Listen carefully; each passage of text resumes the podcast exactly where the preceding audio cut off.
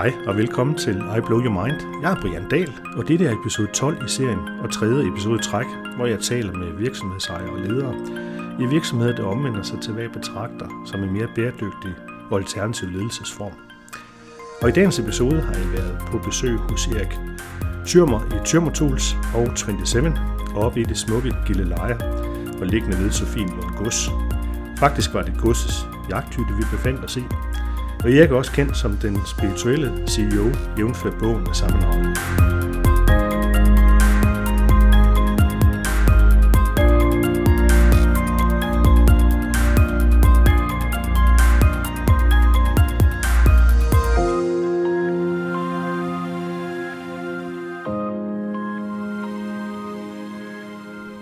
Den 23. 1. var jeg sammen med psykolog Malene Lyby oppe besøg i Erik Tyrmer, og hans kone Ingeborg i virksomhederne Tyrmo Tools og 27, som de ejer og leder. Og så også deres tredje barn og den næste generation af Tyrmer. Malene har ikke øh, optrådt med tidligere i denne podcast, men vi har i nogen tid samarbejdet omkring vores idéer til det indre lederskab, teams- og relationskompetencer og så bæredygtig ledelse. Malene holder sig lidt i baggrund under selve dette interview, men episoden indeholder også et kort indslag med Malene i slutningen af episoden. Grunden til, at jeg valgte at spørge Erik Tyrmer, som er fjerde generation af familien, i forhold til ejerskabet af Tyrmer Tools, om et interview, det var, at jeg havde fået øje på en mand, der ud over en fantastisk udstråling og karisma, også øh, forekommer at være en mand med værdier i forhold til ledelser til mennesker, der flugter med mine egne. Og efter at have hørt og set Erik på podiet til en konference i Aarhus, købte jeg hans bog Den spirituelle CEO. Og efter at have stiftet bekendtskab med bogens beretning om, hvordan han indførte en 100% kvindelig bestyrelse og bruger en spirituel guide som rådgiver, og efter at have hørt hans holdninger til disruption og innovation, så måtte jeg simpelthen bare vide mere. Mit mål med det her interview, det var, udover at lære Erik bedre at kende, at finde ud af, hvordan de her værdier og Eriks paradigmer, de oversætter sig til konkret ledelse i hverdagen. Jeg vil sige, at jeg nåede desværre kun delvist dette mål. Det var mit indtryk, at Erik ikke tænker så meget over den teoretiske fortolkning af ledelse. Og måske heller ikke derfor er så tilbøjelig til at springe på en eller anden konkret ledelsesteologi, der følger en specificeret praksis med konkrete tiltag til følge. Erik er nok heller ikke et udbredt strukturmenneske, men har sine talenter et andet sted. Jeg er dog nogenlunde sikker på, at værdierne og det grundlæggende positive syn på mennesket og en forståelse af kompleksitet, at det bevirker, at det nærmest per automatik vil påvirke ledelsespraksisen. Og nogle eksempler fik vi trods alt frem i samtalen – her kan jeg blandt andet også nævne, at de har et ekstremt lavt sygefravær, ingen stress blandt medarbejderne, og generelt praktiserer det, at de ansatte ikke må arbejde i fritiden. Jeg synes også, der var en rigtig god stemning og atmosfære i omgivelserne. Flere ting kom også frem i smalltalken inden selve interviewet, og flere af dem bagefter. Jeg kan nævne i flæng, at vi hæftede os ved, at Erik og Ingeborg går forrest med hensyn til bæredygtighed. For eksempel hørte vi og oplevede øh, temperatursænkning på lageret, plantning af træer i nærmiljøet, carpooling blandt medarbejderne og udlån af bilparken til GoMore, og brug af miljørigtige biler.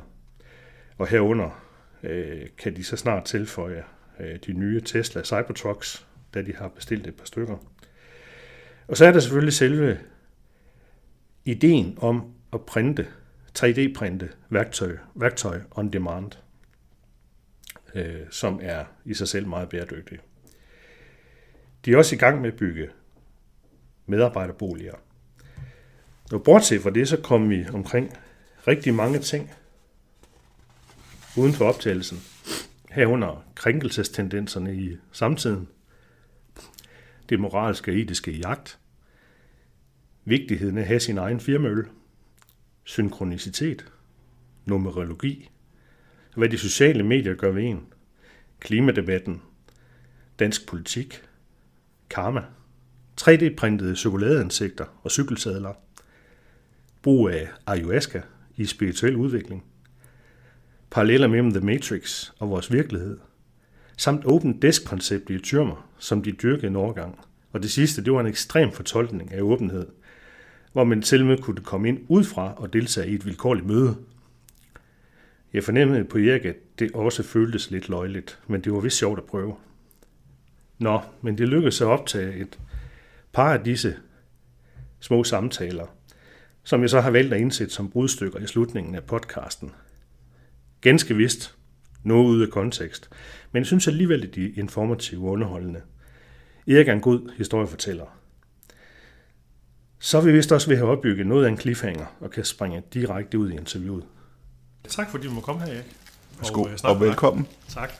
Jeg sidder her sammen med Erik Thürmer og øh, Malene Lyby. Og øh, har glædet mig rigtig meget til at gå i gang med det her interview. Men hedder du overhovedet Erik Thürmer, eller hedder du, hvad hedder det, Erik Bjørn Hartel Rosenvinge? Det er en, det er en forretningshemmelighed. Så du afsløret. Øhm, vi plejer at sige internt i huset, at Erik Thürmer er mit kunstnernavn. Men det er ikke så tit, jeg bliver spurgt om det her. Øhm, mit rigtige navn er Erik Bjørn Hartel Rosenvinge, og jeg er født Erik øh, Frederik Femerling Rosenvinge Thürmer.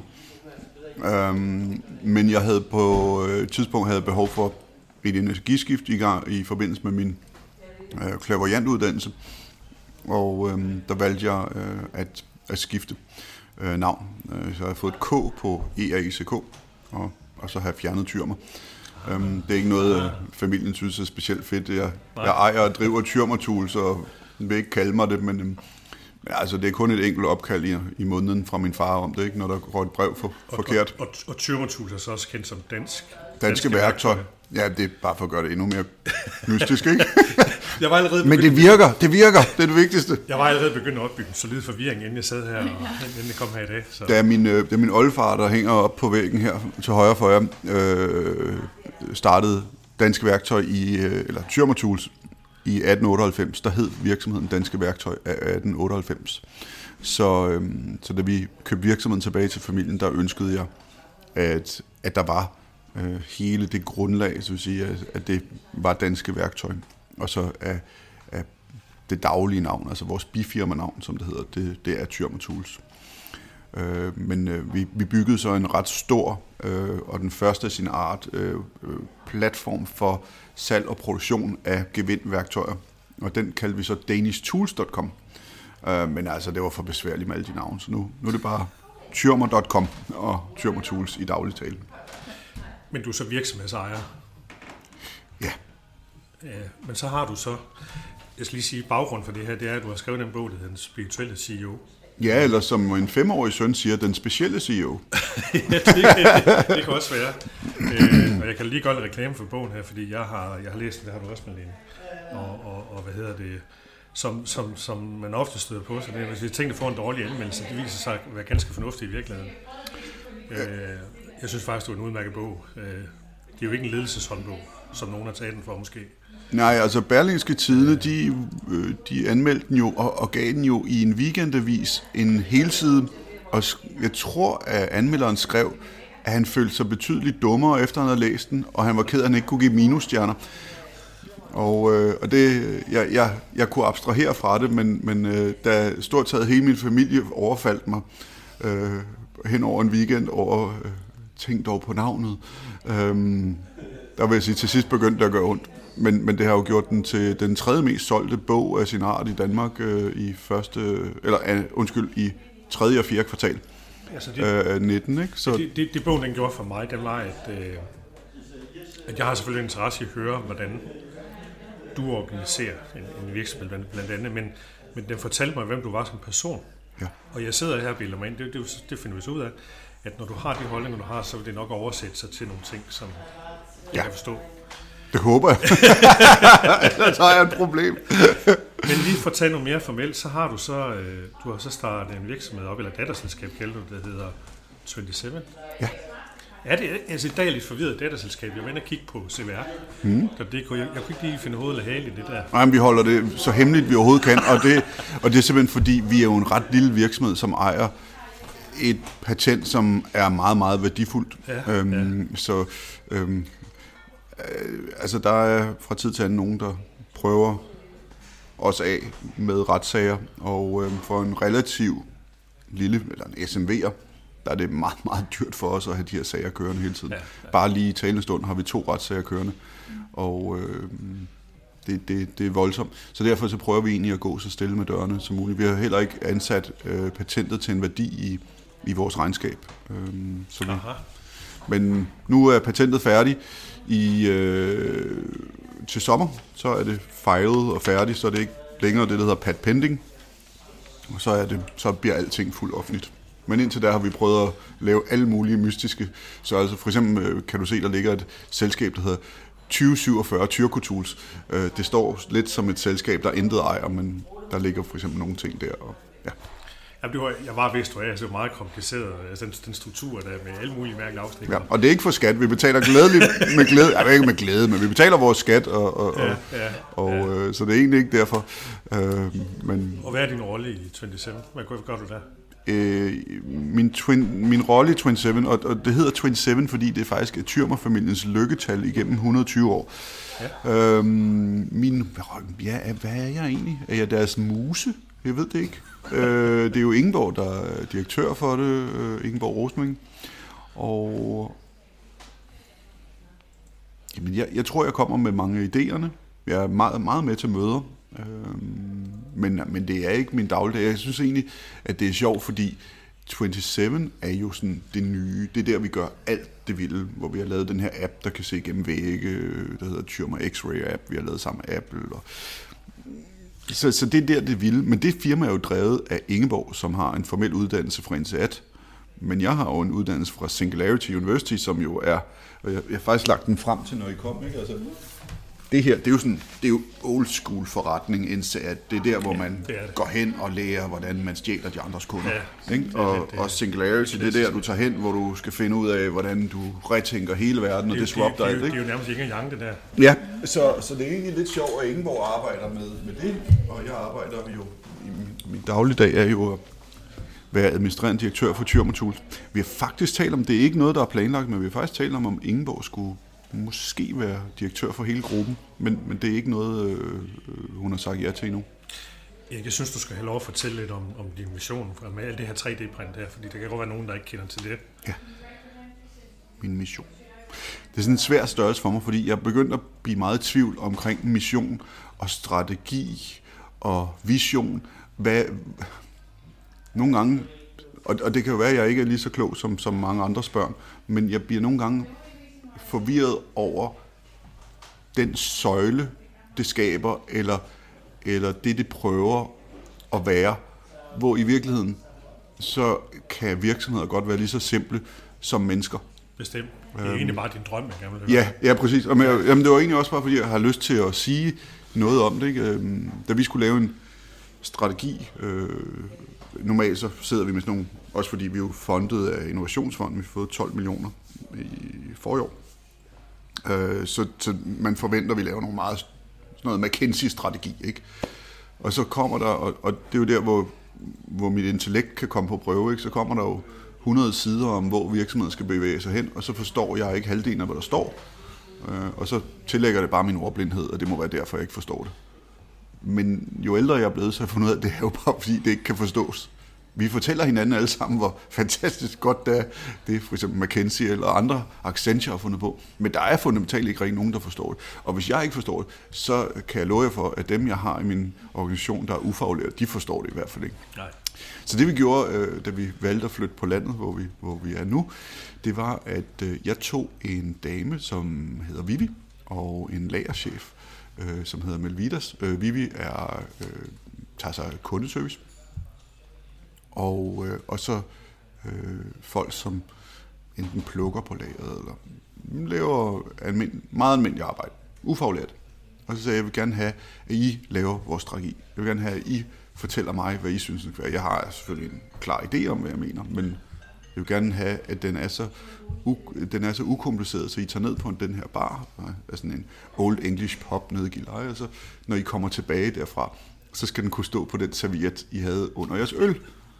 Og, øh, og så kom de tilbage med, at vores, øh, vores kunder skal elske vores værktøj. De skal få en bedre dag. De har simpelthen haft en bedre dag, når de har siddet op på taget og brugt et tyrmerbord, eller øh, whatever det nu er. Ja. Så skal vores grossister og forhandlere, de skal synes, vi er de letteste at handle med af alle.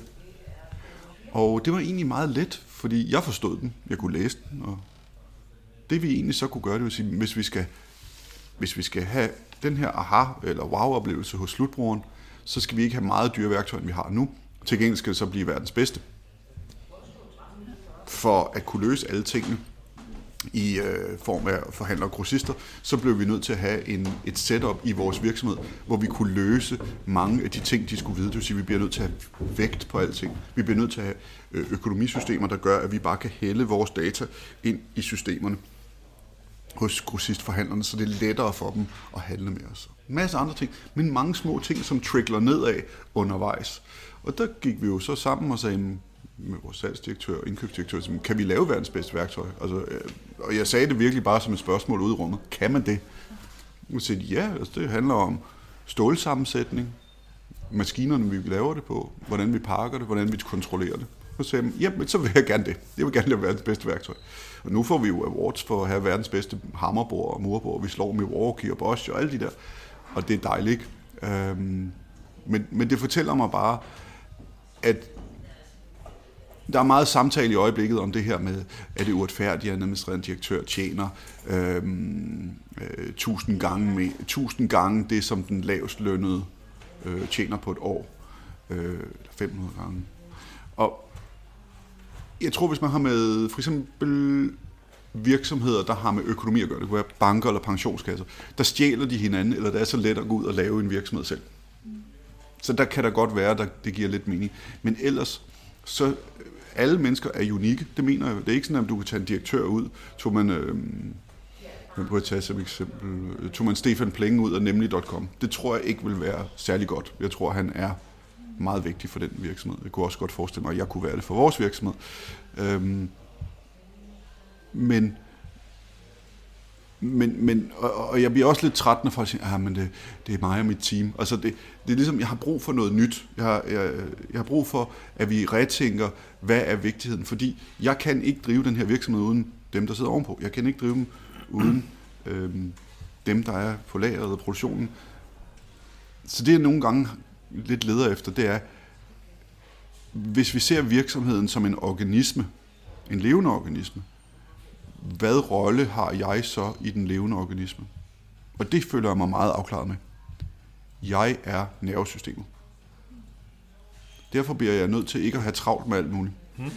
Fordi prøv at forestille dig, at nervesystemet sad på et fly hele tiden. Så kan du ikke mærke dig selv, hvis du har, hvis du har dit nervesystem. Det er i højeste grad rigtigt. Øhm, så det, det har jeg tænkt enormt meget over, hvad, hvad en moderne forretning rejse går ja, ud på. Ja, det er en god metafor. Tak. Alt det her med det her 3D-print, hvor kommer det ind i billedet hen? Ja, men altså det, vi havde i, i, i vores ledelse, der var jo betydeligt mindre, da vi købte firmaet tilbage, end den er nu, men, men vi havde jo en drøm om at producere ting lokalt og have et lokalt impact positivt. Øhm, der var ikke nogen, der troede på ideen, man ville ikke have produktion i Danmark, så vi slog os på øh, vi slog os på 3D-print, og ideen blev ret hurtig, men vi blev først, altså vi tog det første patent jo allerede i 13-14 stykker, men, men jeg tror først det var i 16, at det lykkedes mig at formulere det, øh, og det var via et ophold på Singularity University på NASA i USA, hvor jeg formåede at formulere ideen om localized sustainable production on demand. Altså vi, vi producerer det, vi skal, hvor vi skal bruge det, når vi skal bruge det. Øhm, og det tror jeg, at vi er ret tæt på at kunne industrielt, at man producerer sit produkt. Meget, meget af det, der bliver produceret for eksempel øh, for os, bliver produceret måske et eller andet sted i Indokina. Metallet kommer typisk fra Afrika, øh, Ghana, øh, Kongo, og så bliver det så fragtet til Hamburg, kørt på lastbiler til Danmark, og så distribuerer vi tilbage ud igennem eBay og Amazon. altså det er virkelig pjattet, ikke? Øh, hvor, hvor der tænker jeg, at, at men, men, men det, det kommer jo af en, en fejlagtig tese i vores verdenssamfund. Vi, vi beregner øh, kun øh, det, øh, som, øh, altså øh, CO2-påvirkningen er det land, der producerer og den skal laves om. Det er helt fejlagtigt. Vi bliver nødt til, og det er fordi, den er fabrikeret af europæere, som fundamentalt ikke producerer særlig meget. Så vi bliver nødt til at lave det som et forbrugsbaseret. Hvis vi laver Danmark om til forbrugsbaseret CO2-udledning, så er vi den femte mest forurenende nation i verden i forhold til indbyggertal. Ja. Så bliver der langt til vores 2030-plan, kan jeg godt love jer. Og derfor så bliver det meget fake for mig. Og når jeg spørger regeringen, hvorfor putter vi ikke lidt mere krudt i 3D-printning af produkter, fordi ved at 3D-printe, så kan vi lave 100%, 100% cirkulær økonomi. Ligegyldigt hvad jeg 3D-printer i metal, så kan jeg øh, øh, øh, fræse det ned, eller øh, øh, lave det om til pulver igen. Og så kan jeg producere af det en gang til. Men som visse grene og organisationer siger meget ærligt, hvordan putter vi afgifter på det? Så der er, så der er, der er noget, og det er jo det samme med, vi kommer, jeg lover jer, vi kommer ikke til at se en massiv forandring i de biler, vi kører. Jeg havde lige, ja. jeg talte lige inden I kom, der talte jeg med noget, der hedder BSA, som opererer i hele Europa. Og, øh, og sagde, hvor, hvor, fordi vi har, vi har et lille investeringsselskab, som investerer i biler, øh, som bliver solgt som leasingbiler. Det, det er sådan lidt en hobby fra min side, og, men, men ikke desto mindre noget, vi gør. Øhm, og, øhm, og han sagde, at øh, der var en markant stigning af salget af nye dieselbiler i Tyskland. Altså, det, er jo, det er jo ikke det, man havde forestillet sig, vel? Nej. Så, øh, nå, så 3D-print er vores version af et, øh, et grønt Danmark, men vigtigst af alt, det er, jeg forudser, tror jeg også, jeg siger i bogen, det er, at vi kommer til at se en relativt stor arbejdsløshed i 2020 og 2021 frem. Mm. Øhm, og hvad så vi nu her? Ørsted fyrer 500. Hvad mere? FL Schmidt fyrede 500 i sidste uge. Og der var en mere stor virksomhed, der fyrede 500. Men altså alt i alt, i de sidste to ja. måneder er der fyret 4.000 ja. mennesker i Danmark. Ja. Ja. Det, der er problemet, det er, og det der er ikke nogen, der vil tale om, det er, det er en akse, der krydser hinanden. Det vil sige en, en, en, øh, en eksponentiel kunstig intelligens-akse, der krydser nogle meget store bonusordninger til ledelser i virksomheder. Så Ørsted, hvis de når, hvis ledelsen når et bestemt indtjeningsniveau, så får de udbetalt, altså vi taler en milliard danske kroner. Nej, undskyld, det er Nets, men altså, det er meget stort i alle virksomheder. Men i Nets for eksempel, der, der får de en milliard til sammen, den her ledelse. Ikke? Og det er private penge, de får. Men den akse krydser nu den akse, der gør, at de kan fjerne rigtig mange ansatte på grund af kunstig intelligenssystemer. Og det, der er det uhyggelige, det er, at det giver sådan en livsfarlig ledelse, fordi at hvis de ikke havde incitamentordningen, så havde man nok ikke fyret den.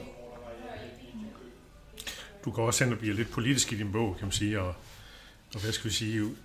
Ja, men hvad er politik? Ikke? Ja, det er en svær det, det ting, ikke? Men, det, men det er rigtigt. Så hvor du kommer ind på borgerløn og sådan nogle ting, ikke også?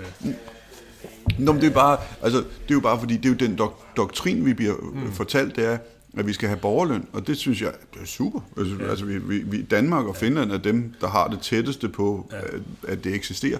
Men, men hvis det er, ikke, at vi får total disruption og digitalisering, så vil man få større og større enkelte virksomheder, færre og færre SMV'er og SMV'er.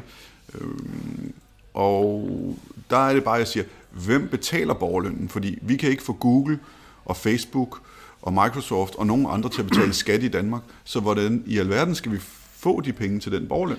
Og, og for at dreje den tilbage på, på, på Tømmertools, er det rigtigt forstået, at det har faktisk været en stor virksomhed, altså med, med på tusind ansatte? Ja, min far, han, øh, min, min oldefar byggede den jo op fra ingenting til øh, sammen med sine to sønner, Bjørn og Erik, at have godt 3.000 ansatte. Ikke? Og øh, da min far havde robotiseret fabrikken i, jeg kan huske, jeg kom, det er meget sjovt, jeg kom i for, vi havde købt en ny robot i, og vi har sat den i, i ude for København. Det har været fem år siden. Så var jeg på forsiden af børsen, og kom jeg og viste min far den der. Stod på forsiden et billede af mig, og der var tyrmer i videre robotiserer deres fabrik. Tænk, så kom min far øh, fem dage efter med en forside på børsen fra 1977, hvor der stod tyrmer i, på Frederiksberg robotiserer deres fabrik, og han sagde, der er ikke noget nyt under solen. Og i dag er I ikke ret mange? Nej, men han havde så 250 ansatte, øh, da, han ans, da han solgte virksomheden. Topmoderne produktionsvirksomhed. Okay, ja, ja. Og da vi, det var egentlig ikke, et eller andet sted var det ikke et køb. Altså, ja, vi købte Tyrmer navnet, og så var det egentlig noget, vi havde startet lidt fra grunden af, men så har vi så tilkøbt dele til den, og skiftet dele ud og solgt fra. Altså, min, min, det vigtige for mig var kernen i, at vi producerede ting, der havde med huller at gøre til alle materialer, til industri og til, til byg. Og det er det, vi egentlig er endt med nu. Ikke? Øhm, og i dag, hvis man tager produktionen med, men der kører vi jo meget Apples model inden for produktionen. Det vil sige, det, det vil sige, at vi går ind og bestemmer produktionen, men vi ejer den nødvendigvis ikke. Øh, der er tilfælde, hvor det er vores maskiner, der kører tingene. Men, hvor, hvor er det henne, det bliver produceret? Øh, meget Tjekkiet, øh, Italien, også Danmark, øh, Kina, jeg vil sige over det hele. Ikke? Ja, ja, ja. Øh, men mindre og mindre Kina. Det har været min ambition. Men, ja. men Kina er dygtig, så man må ikke tage fejl af, at mange, altså Teslaerne bliver nu lavet i Kina fra nu af, ikke? Øh, rigtig mange af dem, vores iPhones, alle de her ting, en Apple-computer, så de kan godt finde ud af den. Øhm, så, men, men altså, ja, øh, vil samlet set 75 mennesker og 11 i administrationen. I dag? Ja. Okay. Det var alligevel flere, jeg troede. Øh, jeg blev nok lidt forvirret af, af det, jeg læste på cvr.dk. Altså her i huset med elever, der sidder 10 stykker, ja. Okay. Og det her, det fungerer som administrationshop, ikke? Det, det, det er så fint. Der er lige en ting mere sådan faktuelt, jeg blev lidt forvirret af, dengang jeg læste bogen også, fordi øh, når vi stod og snakkede sammen lidt, inden vi gik i gang med det her, hvor du nævner, og det bliver skrevet om i bogen, øh, at du havde på et tidspunkt en bestyrelse, som øh, havde lidt svært med det her distortion, som du skriver i bogen, disruption. Øh, og, og så noget med, at du switchede, simpelthen sat, sat kvindelige kræfter ind i stedet for. Ja. Men du, du skriver samtidig lidt om advisory board. Ja, men det er fordi, øh, ja. det der sker, det er, at øh, vi havde tre selskaber. Øh, okay. Så der var danishtools.com, ja. som var egentlig et webbaseret produktionsselskab. Så var der et handelsselskab, der hed øh, Valkø. Mm. Og så var der, øh, var der Tyrmer, hed det bare Tyrmer AS, tror jeg øh, eller 20.000, en af delene. Øhm, og øh, så, så det store selskab var Tyrmer, og de to andre var de små. Og det, der skete, var, at, øh, at det var bestyrelsen sad i det AS, som var Tyrmer. Og, øh, og det var der, jeg så valgte at fyre bestyrelsen. og så, og så gjorde vi det, at vi ryddede op i, altså det var helt, altså der var et hav, hvis du synes, det er kompliceret nu, så bare skulle du have set. Det var, der var simpelthen så mange selskaber. Så det vi gjorde, det var, at vi sagde, at vi ville have et, et øh, holdingselskab og et driftsselskab. Og, øh, og så havde vi så et selskab, det der 2047 Tyrkotul, som egentlig var det, der holdt alle de der forskellige rettigheder. Ikke? Øhm, men vi har tit talt om, der, var, der er sådan, nogle gange er der nogle jyder, der sådan ringer til mig og siger, hvorfor hedder I, når I er så vigtige i debatten, hvorfor hedder I så APS? Ikke? Ja. Og jeg tror, at jyderne de siger, APS det står for at prøve at skulle. ja, præcis. Så, så, I har, så, så I har en, en Og derfor har, kan vi jo ikke have en, en kvindelig bestyrelse, fordi det har man ikke i APS'er, det har du i AS'er, øh, og derfor så fungerer det som advisory board. Okay. Også fordi man kan sige, jeg ønsker inspiration, jeg ønsker ikke ledelse. Nej. Og øh, jeg ved ikke, om det lyder forkert, men, men det er ikke meningen. Men, men, men et, vi, vi, vi, vi pivoterer enormt meget, og det er der også behov for. Og der har Ingeborg og jeg ikke behov for, vi har behov for guidance, men vi har ikke behov for et organ, der begynder at fortælle os, at det må vi ikke, eller skal vi ikke. Nej, nej. Og så i øvrigt, så ejer jeg det jo 100 procent, så det vil... Ja. det, er jo, det er jo det. Men vi så ikke, fordi jeg har en mening om Ilse Jacobsen, gummistøvler er et godt eller dårligt firma, men hun kom jo virkelig galt af sted med sin bestyrelse. Ikke? Det er jo stort taget smadret hendes forretning. Og i den her, det her advisory board, der sidder... Piger. Kvinder. Kvinder. Søren så også. Og en spirituel advisor, eller hvad Ja, lederen hedder ja. Isabelle Loré, og ja, ja. er... Øh, ja, vi, vi, man kunne kalde hende øh, spiritual advisor, men altså hun er jo spirituel guide. Mm. Nej, det er ikke det, de kalder det. Det hedder, nej, amerikanerne for at få det med i regnskabet, så kalder de det uh, purpose, purpose uh, driven guide. Det er sådan der. Ja, det, du fjerner det spirituelle, for ellers ja. kan det ikke trækkes fra. Nej, nej. det giver mening. Ja. Øh, Men det er rigtigt, vi har uh, hende, og meget, uh, meget, meget dygtig. Ja. Hun arbejder med rigtig, rigtig mange, både store og mellemstore virksomheder, og laver enormt meget forandring. Men, men mange virksomhedsledere ikke, har ikke lyst til at så, komme frem så og hvis fortælle det her er alternativ, så er der i virkeligheden mange eller flere alternativer derude. Ja, ja, ja, ja, men altså, hvordan jeg kunne skrive... Uh, ja, Det, det er jo rart at høre. Bymaskinen. Uh, Det, det er jo ja, at høre. ja. ja det, det er meget, meget udbredt. Jeg, jeg prøver sådan lige at sammenfatte, dengang jeg sad med, med lige kigge bogen igennem igen. Så prøver jeg, hvad skal jeg sige, at lave en form for konklusion om, hvad du er for et menneske. Og nu må du lige sige til, hvis jeg siger noget forkert, eller hvis du ikke er enig. Men jeg sidder med et indtryk af, at du er en person i hvert fald, der har et positivt grundsyn på mennesker. Mm-hmm. Øh, altså meget tillidsbaseret øh, syn. Øh, du tror på, kan jeg se, at øh, det der med, at man er et helt menneske, der kommer afsted på arbejde, man kan ikke separere sådan lige en arbejdsperson og en, og en privat person. Øhm, det ser ud som om, du, du tror meget på det med at arbejde med sig selv.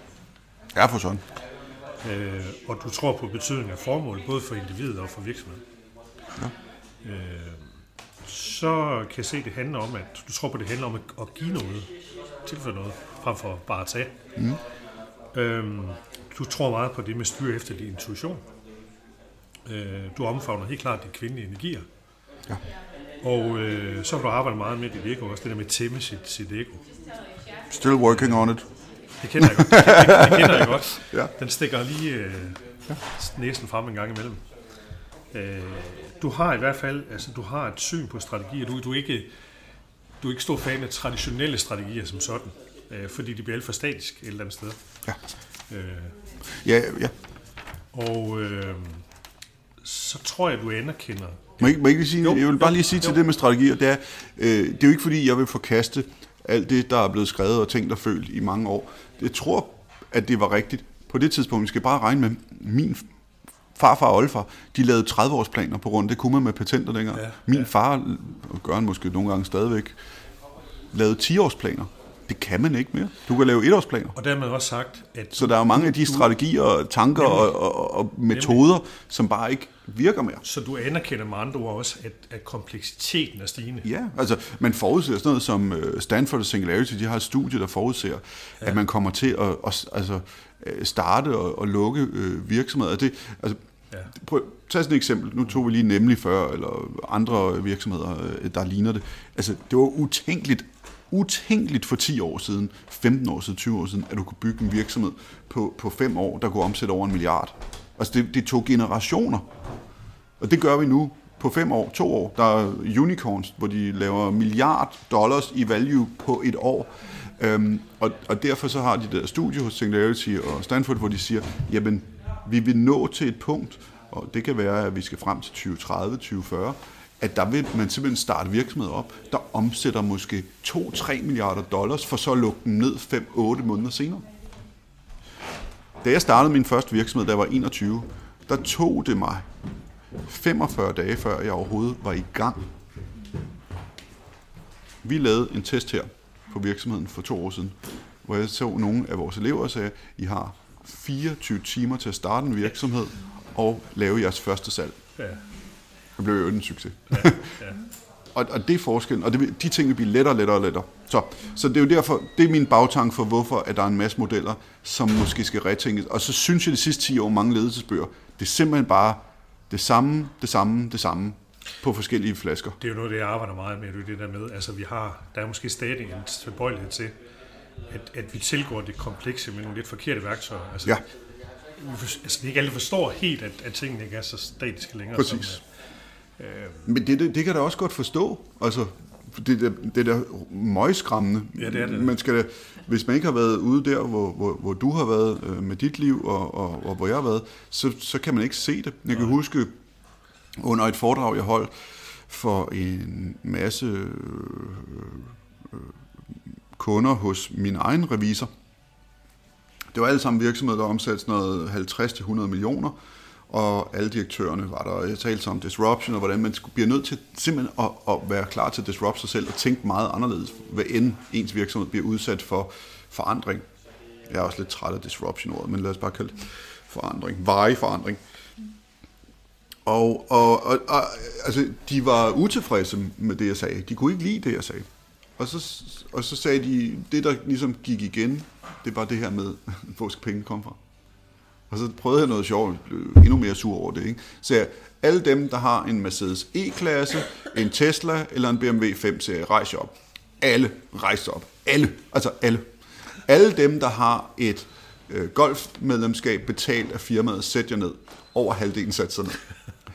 Alle dem, som, og så bad alle sætte sig ned og sagde, alle dem, der får 1 million kroner i løn, sammenlagt med pension, rejs op.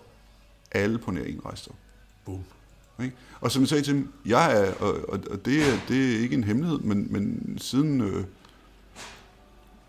og, og ligesom Elon Musk han ikke behøver løn, så er jeg altså i en situation, hvor løn er sådan noget, jeg er okay med at få.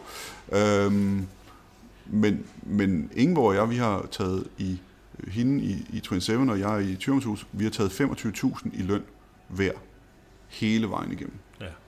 Det gør også, at man bare lige husker, hvordan de andre har det. Fordi jeg, jeg kan godt se, øh, også på venner og bekendte, jeg har, at når man lige pludselig begynder at tjene 3 millioner om året, så ændrer man altså. Det, det går ikke hurtigt, Nej, men man ændrer nej. stille og rolig livsstil. Ja.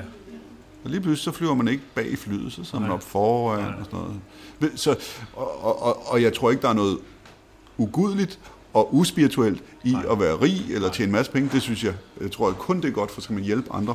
Men man holder fingeren lidt på pulsen. Vi er så også nået til et punkt, hvor vi har sagt nu, nu med tre børn og spinket og sparet i så mange år, at nu Så det skal kan det sammen. være, at vi skal have en Ja, investor ind. ja, Nu kan det ja. være, at vi skal Ja. kigge på et eller andet, hvor, vi kan, Det- hvor det ikke er vores økonomi hele tiden. Ikke? Øhm, jeg synes, det fremgår lidt også øh, i din bog, at, øh, at du tror på mangfoldighed. Hvad er Diversitet- mangfoldighed? I medarbejderskaren for eksempel. Jamen, hvordan oplever du, fordi jeg, jeg har altså lidt svært ved at definere det for mig selv, hvad mangfoldighed egentlig skal betyde. Det kommer, det kommer, lidt, det kommer så lidt til udtryk, hvor du hvad skal vi sige, skriver lidt om din holdning også til det fremmede. At, at det der med, at vi skal ikke nødvendigvis lave om på det fremmede. Nej, men er det sådan noget, hvis du siger mangfoldighed, kan det være sådan, at øh, vi er bange for indvandrere i Danmark? Det kan sagtens være indvandrere, det kan være køn, det kan være alder, det kan være alt muligt. Fordi det er det, jeg oplever, når jeg rejser ja. meget rundt i verden. Ja. Er, Danmark er jo det eneste land, hvor vi taler om religion hele tiden. På trods af, at stort set ingen danskere tror på noget. Altså, det er meget, meget mystisk. Men, men i andre lande, for eksempel, tag nu, øh, nu er jeg jo lige kommet hjem fra Dubai og inspireret af det, der er jo kultur fra hele verden. De har et fælles mål, det er, at de er der alle sammen for at få guld. Hmm.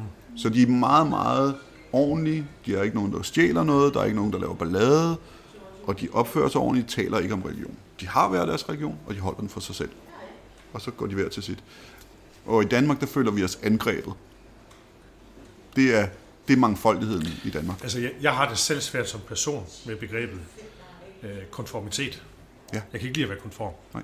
Men, men, men, men det er jo Ikke? noget at gøre også, og igen, fordi grund til at også prøve at stille det så kringlet, det er, jeg vil gerne, hvad er regelsættet? Fordi hvis du, hvis du, hvis du stjæler en tegnbog i, i Dubai, eller mange andre lande, altså så, så ryger du altså Ja. for alvor i spjældet. Ikke? ja. Og jeg kan da godt holde øh, et eller andet sted i Aarhus, hvor var der på et tidspunkt, jeg holdt ved siden af nogle indvandrere i en, i en BMW. Det var, det var mega skræmmende.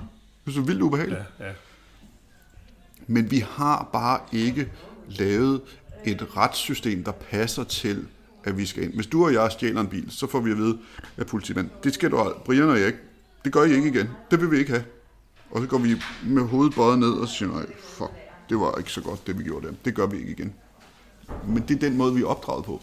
Og der er mangfoldigheden i landet ved at ændre sig. Så jeg tror mere, at lige der, der skal vi have et nyt system. Og det var selvfølgelig ikke det, du spurgte om, så jeg skal nok gå for dybt ind i det. Men mangfoldigheden i en virksomhed er lidt under den samme forandring. Og der er vi påvirket meget af millennials. øh, det vil sige folk, der er født. Folk, der er 31 og ned efter, ikke 33, øhm, er exceptionelt selvisensættende. Det er mest dem på 27 og ned efter lige nu. Det er næsten umuligt at have dem ansat. Vi havde en meget, meget smuk mand, dreng, der hed Mads. Holder meget af ham. Jeg kan huske, han sagde til mig, Erik, hvordan ændrer jeg verden? Det synes jeg ikke rigtigt, at gøre, når jeg sidder her i virksomheden. Og så siger jeg til du kan tage telefonen, der ringer på dit bord, og så hjælper du mig med at redde verden, eller ændre verden. De har et meget stort, og det, jeg holder meget af ham her, Mads, det er slet ikke det, men det er bare, de har et ekstremt stort behov for at være enormt meget i centrum. Mm. Og det tænker jeg også, der må være nogle psykologiske betragtninger på. Øhm, curling-generation eller andet. Øhm, så, så det skaber jo også et, et krav til mangfoldighed. Fordi hvis, når man, man tager sådan, øh, jeg kan jo rigtig godt lide at arbejde med mænd i din alder, ikke? fordi de er pisse dygtige, de ved, hvad de, hvad de kan og hvad de ikke kan, og så øh, når man giver dem en opgave, de godt kan, ikke? Så, så er den lavet. Ikke? Og så er det sådan, du er også en generation, hvor sådan, der er ikke så meget pis, vel? Øh, så jeg, jeg har tendens til at, at, at, at kunne lide det, men, men sådan nogen som dig har det så til gengæld relativt svært med dem der på 25, ikke? fordi altså, du har sikkert fået lov at hente en skruetrækker, der var bagvendt, og køre på en long john, hvor du ikke kunne nå pedalerne og sådan noget. Ikke? Altså, jeg har selv været udsat for de der ting, hvor, altså, da jeg var i lære hos Mercedes øh, som 18 år, ikke? Altså, de behandlede mig jo som det arveste. Jeg tror, jeg er lidt, jeg er lidt afsys på mange måder. Jeg, jeg, jeg, jeg, mener faktisk også, at jeg kan lære en del af de unge, kan man sige. Okay, men, men altså, det var egentlig også bare men, som eksempel. Så... Men, men det er sjovt, jeg kunne godt gribe den der, fordi jeg sad faktisk ikke og læste bogen der, og, og konkluderede lidt, at, at øh, du virker ikke biased, og så alligevel ikke, så synes jeg, der er en lille smule bias i det, fordi det kommer lidt frem, at øh, du har sådan en, en tendens til, at, eller en trang til at ansætte unge ingeniører, for eksempel. Nå, men det er jo fordi, at jeg er påvirket af, af sure gamle mænd, som altid sagde nej. Ikke? Men, ja. men de har jo så også ja. lært noget, de sure gamle mænd. Ja. Men, men vi har jo alle sammen måttet lære noget, og, og, og vi bliver jo afrundet, som vi også talte om tidligere i interviewet med tiden. Men jeg, jeg tror ikke, jeg er bias, men jeg er også bare træt af, at vi ikke må sige, når noget er på en bestemt måde. Ikke? Det er okay at sige, at millennials er svære at arbejde sammen med. Og det bliver vi nødt til at løse, fordi det er altså dem, vi skal bruge i vores virksomheder de næste 10, 15, 20 år. I hvert fald, hvor jeg har karriere eller mere. Ikke? Jeg, jeg så hvad gør vi? Jeg sidder lidt med den, når jeg, når, når jeg læser på så jeg også tænker, at du, du, du bryder ikke så meget om det der med, at folk der har nej-hatten på, hvis du forstår, hvad jeg mener. Nej, men det bliver også karikeret, det synes jeg, du har ret i, men det bliver også karikeret fra min side af den årsag,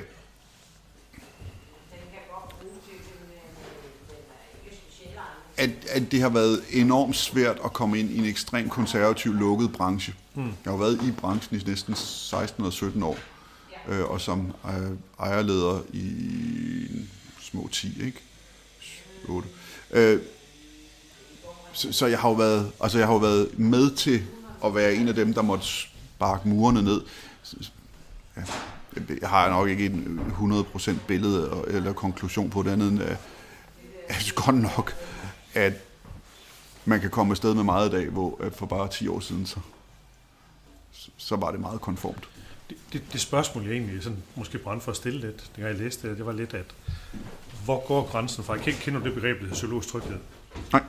Altså det der med, at, øh, at vi har en kultur, hvor, hvor det er til at, at stå frem åbent, sige, at man har begået fejl, eller jeg forstår ja, det ikke. Okay. Jeg skal sige, hvor, hvor går grænsen? Er der ikke en fare for, altså hvis ikke det tillader det sin nej, kan man sige, at det er en dårlig idé? Øh, at, at, at man kommer til at opbygge en kultur, hvor der ikke er høj øh, psykisk tryghed. Eller hvordan ser du på det? Så, så hvis, hvis man ikke tillader at sige nej, så er det... Hvis man synes, det er en skidt idé. Det, det er en skidt idé. Ja. Du kommer med en idé til mig, siger, det er fandme dårligt. Ja, du har en og jeg synes, det er, det er en dårlig idé. Sådan, ja. sådan, sådan. Øh, kan, kan man så ikke komme til at opbygge en kultur, hvor, hvor det bliver lidt farligt og stå frem? Og opbygge en lav psykologisk tryghed. Men tror du, det er det, jeg gør her? Nej, det, det ved jeg ikke. Det er bare sådan et drilsk spørgsmål, kan man sige. For, ja, meget. For meget drilsk. Ekstremt drilsk. Jamen altså, det det gør... Altså det, jeg blev meget inspireret af, det var, jeg så, at mange idéer herunder mine egne, gik til i den her ret store, komplekse organisation, vi havde. Og så hørte jeg, at hos Amazon, jeg har hørt to ting. At du har ansvaret to meter rundt omkring dig i Tivoli. Ligegyldigt om du er direktør ja. eller fejlmand. Ja. ja. Det er dit ansvar. Du, du er chef, kan man sige, eller du, ja. du er direktør der. På det. Ja. Og så hørte jeg, at øh, hos Amazon, der øh, hvis en leder, mellemleder, chef, et eller andet, siger nej til en idé, så hvis de siger nej til ideen, så skal de skrive en håndskreven A4-side til Jeff Bezos direkte hvorfor ideen var dårlig. Og det gør bare, at helt ekstremt mange ting bliver nu gennemført. Og det var egentlig de to ting, jeg tog ind i virksomheden. Vi havde, på det tidspunkt havde vi et meget, meget stort 60.000 kvadratmeter centrallager med enormt mange mennesker. Og det indførte vi simpelthen der med det samme. Gav rigtig mange idéer, gør, gjorde folk ryddet mere op, passede på tingene, alt muligt. Og fra det fandt jeg ud af, at det, der egentlig var galt, det var, uden at jeg egentlig på det tidspunkt forstod begreberne, det var bare, at jeg kunne se, i mit indre billede kunne jeg bare se alle de her søjler af bestemmelser. Og, og, og jeg var bare helt klar på, at de søjler, dem blev jeg nødt til at rive ned. Og så skulle jeg skabe en flad struktur. Så fik jeg en flad struktur. Det var frygteligt. Det var det mest redsfulde, fordi nu skulle alle bestemme. Ikke? Hold kæft, mand, hvor vi... Undskyld. Hold op, hvor skulle vi bare sidde og mærke hinanden, og det virkede heller ikke. Så det vi så har bygget op nu, det er, alle meninger tæller. Men når jeg har vurderet alles meninger, så tager jeg bestik af det, og så siger jeg, det her, det er det, jeg har besluttet. Og så gør vi det. Og så er alle med. Men så har jeg meget det her, der hedder en hive mind. Især vores ledelse, det er, at vi, vi, er en, vi har en fælles bevidsthed. Det kræver bare, at hvis nu siger det er, er individer, ikke? så giver fællesbevidstheden, den giver, hvis nu der er fem i fællesbevidstheden, øh, så øh, fem individer, så giver det mere end det. Altså vi, vi, vi, vi, vi kreerer simpelthen mere, end hvad fem normalt vil kunne. Men når der er en, det kan være Anders nogle gange, Anders salgsdirektøren, han nogle gange skal lave lidt ballade og være sådan lidt utilbens. Han har været en virksomhed i 30 år, hvor de sparkede nedad altid. Så han skal hele tiden sådan, uh, så skal vi lige, ah, Anders, du ved godt, hvad jeg synes om det der. Nå oh, ja, okay, ja, det er også rigtigt. Øhm, så, så jeg bliver nødt til hele tiden, så mit job er egentlig at styre den hive mind og sørge for, at den har det godt. Så kreerer den de mest vilde, fantastiske ting. En produktionsvirksomhed som vores, der på halvanden år har tredoblet sin omsætning. Det er uhørt. Det er ikke normalt. Det er også bundlinje. Og det tilskriver jeg øh, piger, kvinderne i bestyrelsen, advisory boardet, øh, og, men især vores måde at drive den daglige drift på. Og, og, og mange jyder, de siger jo så, øh, jamen det der, det er heller ikke nyt, det kalder vi bare sund fornuft. Men, men der, der foregår noget, når vi alle er legnet, fordi jeg kan godt tage en beslutning, og så sidder der to år i hjørnet og siger, det der, jeg glemmer, det var, hvor det var Alle skal være med. Jeg accepterer ikke, at de går ud, for eksempel nogen kører sammen i bil, går vi også meget op i øh, carpooling. De kan ikke gå ud i bilen og så sidde og sige, jeg kæft, nogle idioter. Eller nogle gange har jeg hørt, hvis de siger, ekskunde, fuck en nar. Jeg vil ikke have det. Jeg vil ikke have. Vi taler ikke grimt om hinanden, om kunder eller noget, og det slår jeg helt ekstremt hårdt ned på.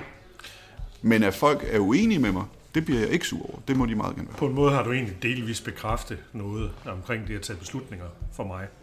Fordi øh, der er i hvert fald set et mønster i, at, at de her, jeg kalder dem alternative virksomheder, jeg har studeret, øh, har en beslutningsproces, som ligger sig hvad skal vi sige, et sted imellem, at, øh, at det er jo ikke ren konsensus, øh, og det er heller ikke ren, øh, hvad hedder det, øh, diktatorisk. Men det, det er jo det der med, at det handler om, at, at øh, du har egentlig pligt til at forhøre dig hos for eksempel dem, der er berørt af, af, af forandring mm. eller ændring. Øh, men ultimativt har du en beslutningsret. Ja. Det tages en beslutning. Hvis ikke der er nogen, der har en, hvad skal vi sige, signifikant øh, indsigelse øh, for eksempel, at det her det vil være skadeligt eller farligt, eller hvad det er, så kan den forandring jo så måske blive gennemført. Det er i hvert fald noget af det, jeg har lagt mærke til, at det går lidt igen i de her virksomheder. At der er en form for beslutningsproces. Ja. ja. Så det er lidt det, jeg hører dig sige.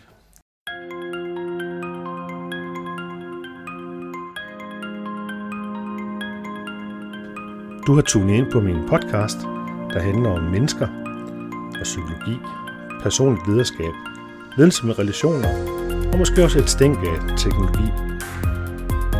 Den her podcast er en del af mit personlige univers, der omfatter mit virke som ledelses- og virksomhedskonsulent, erhvervscoach og erhvervshypnoseterapeut, hvor jeg blandt andet har fokus på at skabe mere bæredygtige og nutidige organisationer og hele mennesker. Hvis du godt kan lide denne podcast, så vil jeg blive super taknemmelig, hvis du deler den jeg vil ligeledes blive super taknemmelig for kommentarer og anmeldelser undervejs, så den kan blive endnu bedre. Tusind tak for det.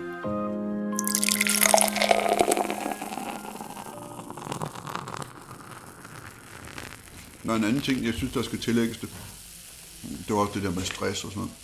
Det er... På et tidspunkt så accelererede jeg forretningen og gjorde den meget tech fordi at jeg tænkte, at, at vi skulle gøre fuldstændig det samme, som vi gjorde i 27. Det, det gik ikke. Vi fik ked af det folk, og vi skiftede også mange folk ud.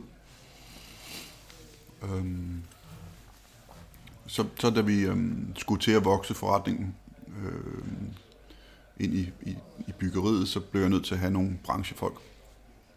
Og øhm, der lærte jeg en spændende ting, og det var, at jeg kunne ikke vokse forretningen med bare folk, der var akademikere og dygtige. Jeg blev nødt til at have folk, der virkelig bare forstod, hvad et bord er, eller noget gevind. altså noget virkelig altså hardcore branche. Problemet er, og det er, sker i alle brancher, der fandtes ikke nogen kombination. Ligeså vel som der ikke fandtes nogen kvindelige ledere i vores branche. Nogle, ja, så findes sikkert en enkelt en, der hedder Anja i Vojens, eller et eller andet, men altså det, det niveau, ikke? Så derfor besluttede jeg mig for, at jeg ville skabe dem. Jeg vil skabe de kvindelige ledere. Det gør vi via bestyrelsen, det gør vi via den øh, daglige ledelse. Men vigtigst af alt, og det var Ingeborg, der fandt på det.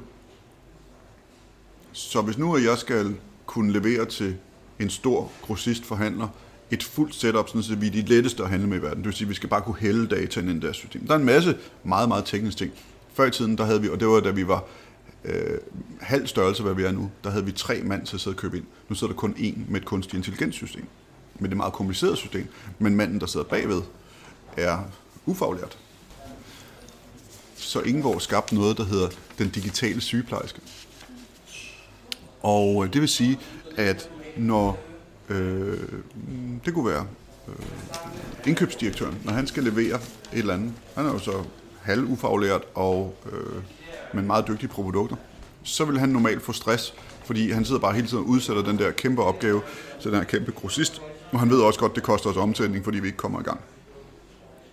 Så vi har så lavet den regel, de må ikke lave de opgaver under nogen omstændigheder, men de kalder på den digitale sygeplejerske, afleverer opgaven.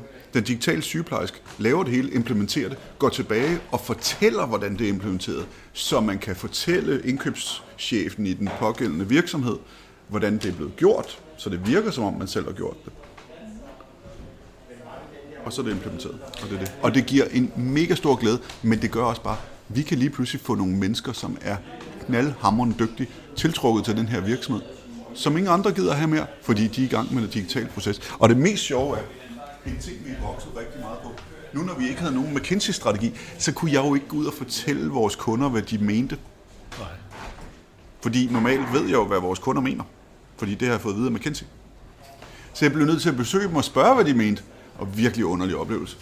Så jeg, jeg, tog, øh, jeg tog op til Trondheim sammen med vores salgsdirektør, og så kørte vi hele vejen ned og forbi Helsingør og hele vejen op til Skagen. Og de sagde de samme tre ting alle sammen. De sagde også andre ting selvfølgelig. Vi vil gerne have faglighed. Vi vil gerne betale penge for det. Vi vil gerne have, at I har et stort lager. Fordi hvis I ikke har det, så er der ingen, der har det. Og må vi ikke godt få papirkataloget tilbage? Så nu. For første gang i 10 år, så har vi lavet et papirkatalog. Nu. Og vi, hvad vi har, vi har snedet en nøgen dame ind i det. Ingen sagde, at man kunne putte nøgen damer i det. Fordi det må man ikke i dag, når ja. vi har gjort det på den måde. det er godt, det er godt. Ved du hvad, nu øh, er jeg så lidt, lidt øh, fagskadet. Ja. Fordi nu har jeg siddet i, i 8 år, og hvad skulle jeg sige, været ansvarlig for en funktion, som har at gøre med publikationer. Ja. Og en af de ting, vi døjede rigtig meget med, det var, at altså kunderne var, var konservative, de ville have det der papirkatalog. Der. Mm. Og, og det, skal sige, det er en evig debat, vi har om, hvordan vi kommer væk fra det der. Men, men bliver det ikke lidt ligesom, øh, hvad skal jeg sige, Henry Ford, hvor han siger, hvis han spurgte kunderne, hvad de vil have, ja. så vil sige, at du vil have en hurtigere hest? Ja, men altså, vi har, altså, du ved det jo selv, vi har en app, der kan se igennem vægge. Ja. Øh, vi har øh, kåret den bedste webshop øh, overhovedet inden for branchen. Så det er jo ikke, fordi vi ikke har de andre ting. Men nu kommer der så til gengæld, for at svare på dit og mit spørgsmål, nu kommer der en rapport ud øh, øh, omkring sommerferien fra DI, de har nu brugt fem år på at undersøge. Ved I, hvad der sker, når vi er på webben? Især business to business. Så finder vi kun det, vi søger. Mm. Og ved I, hvad man gør, når man sidder ude i en værktøjsbutik? Så sidder man... Og. Hvad søren, har de også prøveværktøj Ja, hos Tyrmatul? det kan ikke det samme. Nå, nej, lige. Det kan ikke det samme. Og de har, de har hulsave og kassetter og pladebord og savklinger. Nå, det, det tager jeg næste gang. Ellers så er Tyrmatools bare forkert. Jeg kan blive Tyrmatools er ikke dem med gevind.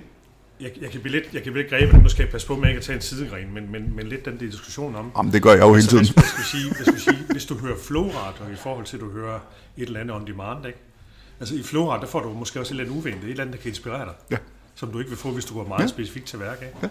Så det, det, Jamen, Jeg er meget enig, så det er meget sjovt. Så, så, men altså, den tilgang, vi så ledelsesmæssigt har i Tyrmatools, den kan så ikke gå i 27. Altså, fordi det er også nogle andre mennesker, altså meget yngre mennesker, vi tiltrækker. Men, men meget sjov, ikke? Jeg, jeg havde lige et andet spørgsmål. Det var, at du triggede mig lidt, dengang du begyndte at snakke kvindelige ledere. Mm. Fordi på et tidspunkt i bogen, der skriver du om, at, øh, at øh, du valgte faktisk at, at få en direktør fra det, du kaldte det blå Danmark, mm. imod din, din øh, rådgivers råd, tror jeg det var. Ja. Øh, og, og det gik så ikke. Men det, du skriver noget om, det var, at øh, selvfølgelig hun var dygtig og sådan noget, men at øh, hun øh, systematiserede meget og skabte systemer, hvor der ikke havde været systemer før. Mm. Hvad, hvad handler det om? Er, er det noget med at gøre med balancen mellem struktur og det der med tillid af kreativitet, og innovation? Eller hvad er det for noget? Jeg befinder mig godt i struktur, men har svært ved at skabe den selv. Jeg kan godt fortælle til en, jeg vil gerne have, at du skaber struktur her, men jeg kan ikke, jeg kan ikke selv bygge den. Nej. Øhm, for eksempel noget af det mest fine strukturelle lige nu, det er Ingeborg og vores økonomidirektør Thomas. Øhm, de, de, de har sat, og, og det er jo noget, der sådan, det er jo ikke interessant for sådan en som mig. Jeg vil have, at vi bygger ting, vi skaber ting, vi skal have nye kunder, vi skal ud og holde møder, og vi skal være fulde med vores kunder, og vi skal have alle mulige vilde ting. Og så når vi kommer hjem og skal putte tingene i det cellark, så sidder jeg bare sådan og falder i søvn. Så, og det er meget vigtigt, at vi anerkender, hvem har hvilke roller, og hvem har hvilke kompetencer, fordi så får vi det bedste af alle verden. Men var det så ikke godt nok at kunne opbygge de her strukturer? Jo, jo, for søren. Jo, øh, jo. Hvad var det så, var? Hun var, øh, kulturen var forkert. Okay. Hun tilhørte en moderne Ja. gruppe af kvinder, som... Man sagde altid i gamle dage, at mænd oversælger sig selv, og kvinder undersælger sig selv. Og i dag er det omvendt. Kvinder oversælger sig selv, mænd undersælger sig selv. Og de tror simpelthen, at de er Guds gave øh, til erhvervslivet, og så øh, er de det ikke. Ja, du skrev i hvert fald energien, der var lidt off. Pæn off, ja. ja. Men altså, det var, det var spændende og lærerigt. Jeg vil også sige, det er også svært at, at komme ind, øh, et som kvinde i den her branche. Øh, Altså prøv at det er jo altså, vi taler om, det er kun 10 år siden, vi holdt op med at have møder på stripklubber. Ikke? Altså, i dag, der taler vi hashtag MeToo. Det har forandret sig så meget. Det er blevet så lødet og så ordentligt det hele. Og det er godt, for det var også for meget øh, det andet. Øhm, men jeg ser metalbranchen, øh, shipping, forsikring, banking. Altså, det var helt vildt, den opførsel, der var. Øh, ikke, at det ikke var sjovt. det har det da været, men, men jeg synes, jeg synes, at det er den vigtigste del i, at kvinder kan få lov at være en vigtig del af ledelse. Fordi hvis du har hele den side, øh, øh, den her skjulte side af brancher, hvor det virkelig foregår på en lidt speciel måde, så bliver det den, den er svært for kvinder. Ikke? Så vi skal ligesom, jeg tror, at det, det handler om, det er at have den der fælles platform. Vi har et mødelokale, og det kan være lækkert eller ikke lækkert, og det går vi ind i, og der har vi vores møder, og der laver vi vores forretning. Og så, så er det egentlig bare op til, hvem er dygtigst. Og, og det, jeg kalder ikke nogen øh, tidligere ansatte udygtige, men, men, men, men der er også en kultur, man skal tage højde for. Øh, jeg prøver ikke at sige noget mellem linjerne. Det virkede bare ikke. Jeg tror, Donald Trump havde bare sagt, it didn't work out. It didn't work out. No, noget af det, jeg har berørt meget, når jeg har snakket med andre ledere, det, det er selvfølgelig også den side af sagen, der har noget at gøre med, hvordan oversætter det her, så de her holdninger, hvordan oversætter det sig til øh, en ledelsespraksis og en organisationspraksis? Hvordan er det at være ansat i den her virksomhed? Helt vildt dejligt. Jamen, det er det fedeste firma, jeg er ansat i. Vi har, øh, vi har taco tirsdag og hotdog onsdag, og mit, mit fineste job, det er at sørge for, at man føler, at man er hjemme hos sin familie, når man er her. Hvordan er det med, med, med selvorganisering og sådan ting? Altså, hvor selvorganiseret er det som for en medarbejder? Altså, hvor meget bliver det styret? Kunne du tænke dig at spørge en ansat? Fordi øh, jeg kan jo kun fortælle, hvad jeg tror. Hvad, hvad tror du? Jeg tror, at de siger, at det her er et fantastisk sted at arbejde, og i perioder når Erik er ikke i 100% kontakt med sig selv, så er han kontrollerende. altså, Kontrollerende. jeg, jeg går op, altså sådan min fineste, mine sådan to fineste pejlemærker, det er, jeg er ikke sådan en, der går op i sådan, åh, vi skal sætte lager ned, eller hvis der er lagt en million mere på lager. Altså hvis vi har penge til det, fint, så hvis det er det rigtige, så gør vi det. Hvor det, det, det er mange XL arks styrende direktører, hvor det er det eneste, de kigger på, det er, hvordan kan de bespare sig til succes. Øhm, men et fint pejlemærke for mig, det er, omsætning går meget op i, selvfølgelig den kører, øh, dækningen, øhm, og så vi ikke laver fejl. Fordi hvis vi skal glæde vores slutbrugere og vores, øhm, vores grossiste forhandler, så må vi ikke lave fejl. Det? Han er fra Indien. Ja, halvdelen af virksomhedens ansatte, de er næsten fra udlandet nu. Okay. Altså kan jeg godt lide, at han kalder mig sir. Hver morgen. Ja, selvfølgelig. Good morning, sir. Siger, Selvfølgelig. don't call me sir. Og, og inder, de Nej, kan, keep doing it. Og, og inder, inder kan jo oftest noget, som vi har glemt derhjemme. Ja. Det er det, der man rejser sig op, når der er en, der taler til en. Ja, og han er, og han er meget respektfuld over for sine peers og sådan noget. Øh, nå, men, men, men altså, for eksempel, øh, hvis en større kunde skriver, I har lavet en fejl, altså så, jeg, jeg læser, for det er jo fordi, jeg ikke har noget job. Jeg læser alle mails, der kommer ind i virksomheden til ordremodtagelsen. Okay, til ordremodtagelse. Det kan godt være, at jeg bare lige skimmer dem. Ja, ja. Jeg læser ikke økonomi-mails, for eksempel. Det læser Thomas. Men, men alt, der kommer ind på ordremailen, det læser jeg. Ja. Og så er det, men det er sådan, for eksempel ordre fra Bygma. Jeg åbner den lige, skimmer den, lukker den igen. Og det giver mig, det giver nervesystemet en meget stærk fornemmelse af, hvad der foregår. Mm. Det kræver også, at jeg gennemgår et sted mellem 300 plus mails om dagen. Men jeg kan gøre det meget, meget hurtigt. Øh, Jeg har sådan et fingersystem, hvor jeg lige kan, når jeg er på computer. Men jeg ser dem, og jeg får en fornemmelse af, hvad var det lige, de bestilte og sådan noget. Det giver en konklusion af, hvad der foregår. Øh, og jeg tror, Vivi, som sidder deroppe og har ansvaret for det, altså om det irriterer hende, når jeg begynder at, at blande mig, det, det håber jeg da ikke, men, men, men det er da klart, lige snart, at der er en kunde, der skriver, der var en fejl, så er der jo med det samme. Og det er fordi, jeg vil have en, og, og, og der er jeg hård, jeg vil have en nulfejlskultur. Det, det kunne måske være opfattet af nogen, eller blive opfattet af nogen som et behov for kontrol. Ja, men det, men det kan man godt kalde det så, men, men jeg vil have nul fejl på det led. Mm. Til gengæld, når vi opfinder ting, bygger ting, Du virker, du Så- virker i hvert fald kompromilløs omkring kvaliteten. det skal være, altså der er mange, der siger, det her det er verdens bedste firma at arbejde i. Ja, ja, og I, og I er slet ikke glade for jeres kunder. Altså, jeg ved bare, hvor stor en opgave det er at få en kunde, og derfor, når vi har dem, så er vores fineste opgave. Jeg har også siddet i virksomheder, hvor ledelsen har pisset kunderne også- op og ned ad Du nakken. skriver også på et tidspunkt, at øh, hvad var det, du besluttede til at fordoble kvaliteten, og så gik I ned i indtægningen. Ikke? Ja.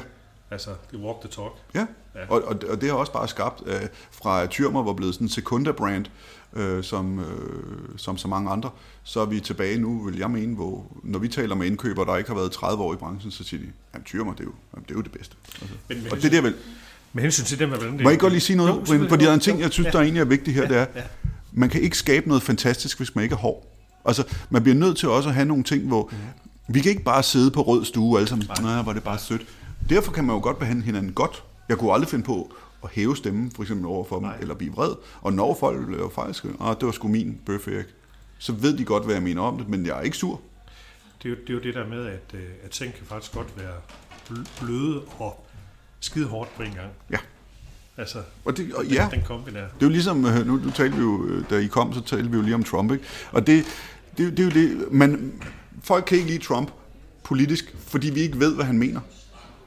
Hvorfor skal man vide, hvad en leder af det største land i verden mener på forhånd? Hvorfor skal man det? Hvis jeg går ind og begynder, om nu, at du sad i dit gamle job, og jeg kommer og nu skal jeg sælge værktøj til dig. Hvis du ved alt om, hvad jeg mener, hvad er der så af forhandling?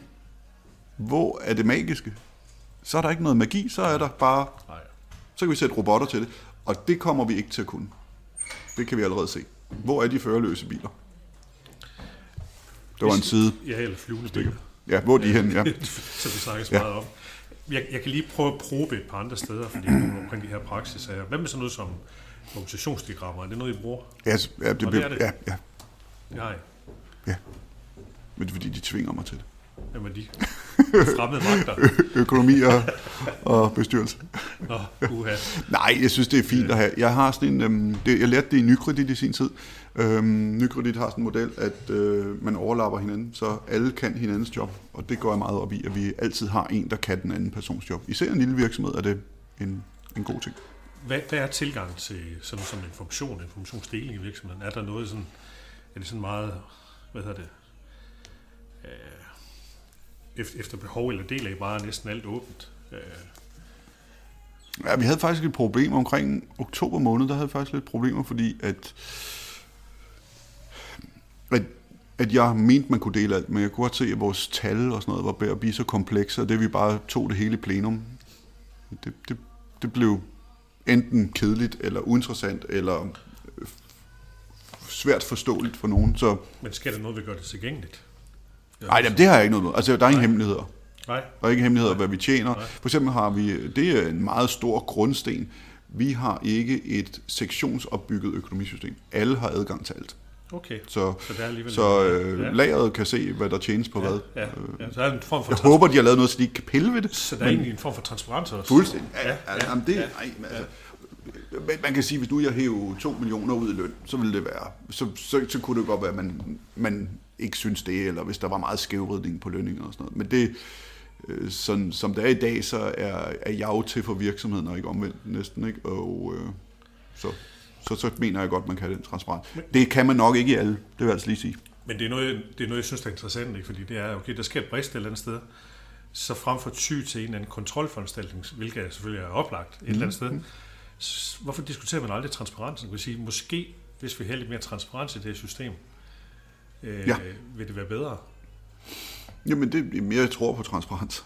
Men, Ja. altså, og så til en vis grænse i forhold til det, jeg lige sagde med Trump. Ikke? Altså, man skal ikke bare tro. Det er jo lidt ligesom... Det er en af de ting, vi har set med de meget unge ansatte. De er ikke bange for at være arbejdsløse. Altså, de øh, mener jo bare, altså, fordi de er Guds gave, så skal de nok få job. Nu er der så begyndt at komme noget ungdomsarbejdsløshed, som ikke er kommet af, at der er noget galt fundamentalt i Danmark, men det er kommet af, at man beholder folk længere. Altså jeg har jo sagt, at Vivi kunne gå derop for at tage hende igen som eksempel. Hun kunne gå på pension, men der har vi jo, har jo spurgt af bødet, fordi i stedet for at få en ind på 27, så vil jeg hellere bliver. Det håber jeg så, hun gerne vil, og det virker til, at hun gerne vil. Ikke? Så har vi gjort noget andet, øh, som jo også, og der kunne man jo have mindre eller mere transparens. Det vil sige, jo mere fup og fidus du laver med folk, jo, mere, jo mindre transparens kan du have. Men virksomheden er jo begyndt at købe huse. Og der har vi jo, det sidste vi har gjort, det var at købe en dejlig villa nede i Gilleleje, som kigger ud over øh, havnen og havet. Og, øh, og der er det meningen, at Vivi og, og vores lagerchef Melvita skal bo. Så han øh, skal bo i, i, i huset, og hun skal så bo i den next, der skal sættes i stand. Øhm, hvis nu jeg profiterede på det, jeg kunne godt have købt det hus, sætte det i stand, og så sælge det dyrt til firmaet. Øhm, så ville jeg have behov for, at der ikke var transparens. Men nu har firmaet købt det, og det har købt det rigtig billigt, og det er firmaet, der sætter det i stand. Så kan der godt være transparens. Så det er jo, giver det mening, det jeg siger? Ja, ja, det, det gør det. Jeg tager, jeg, altså, jeg tager lige en jakke på, jeg får noget træk. Ja, Træk.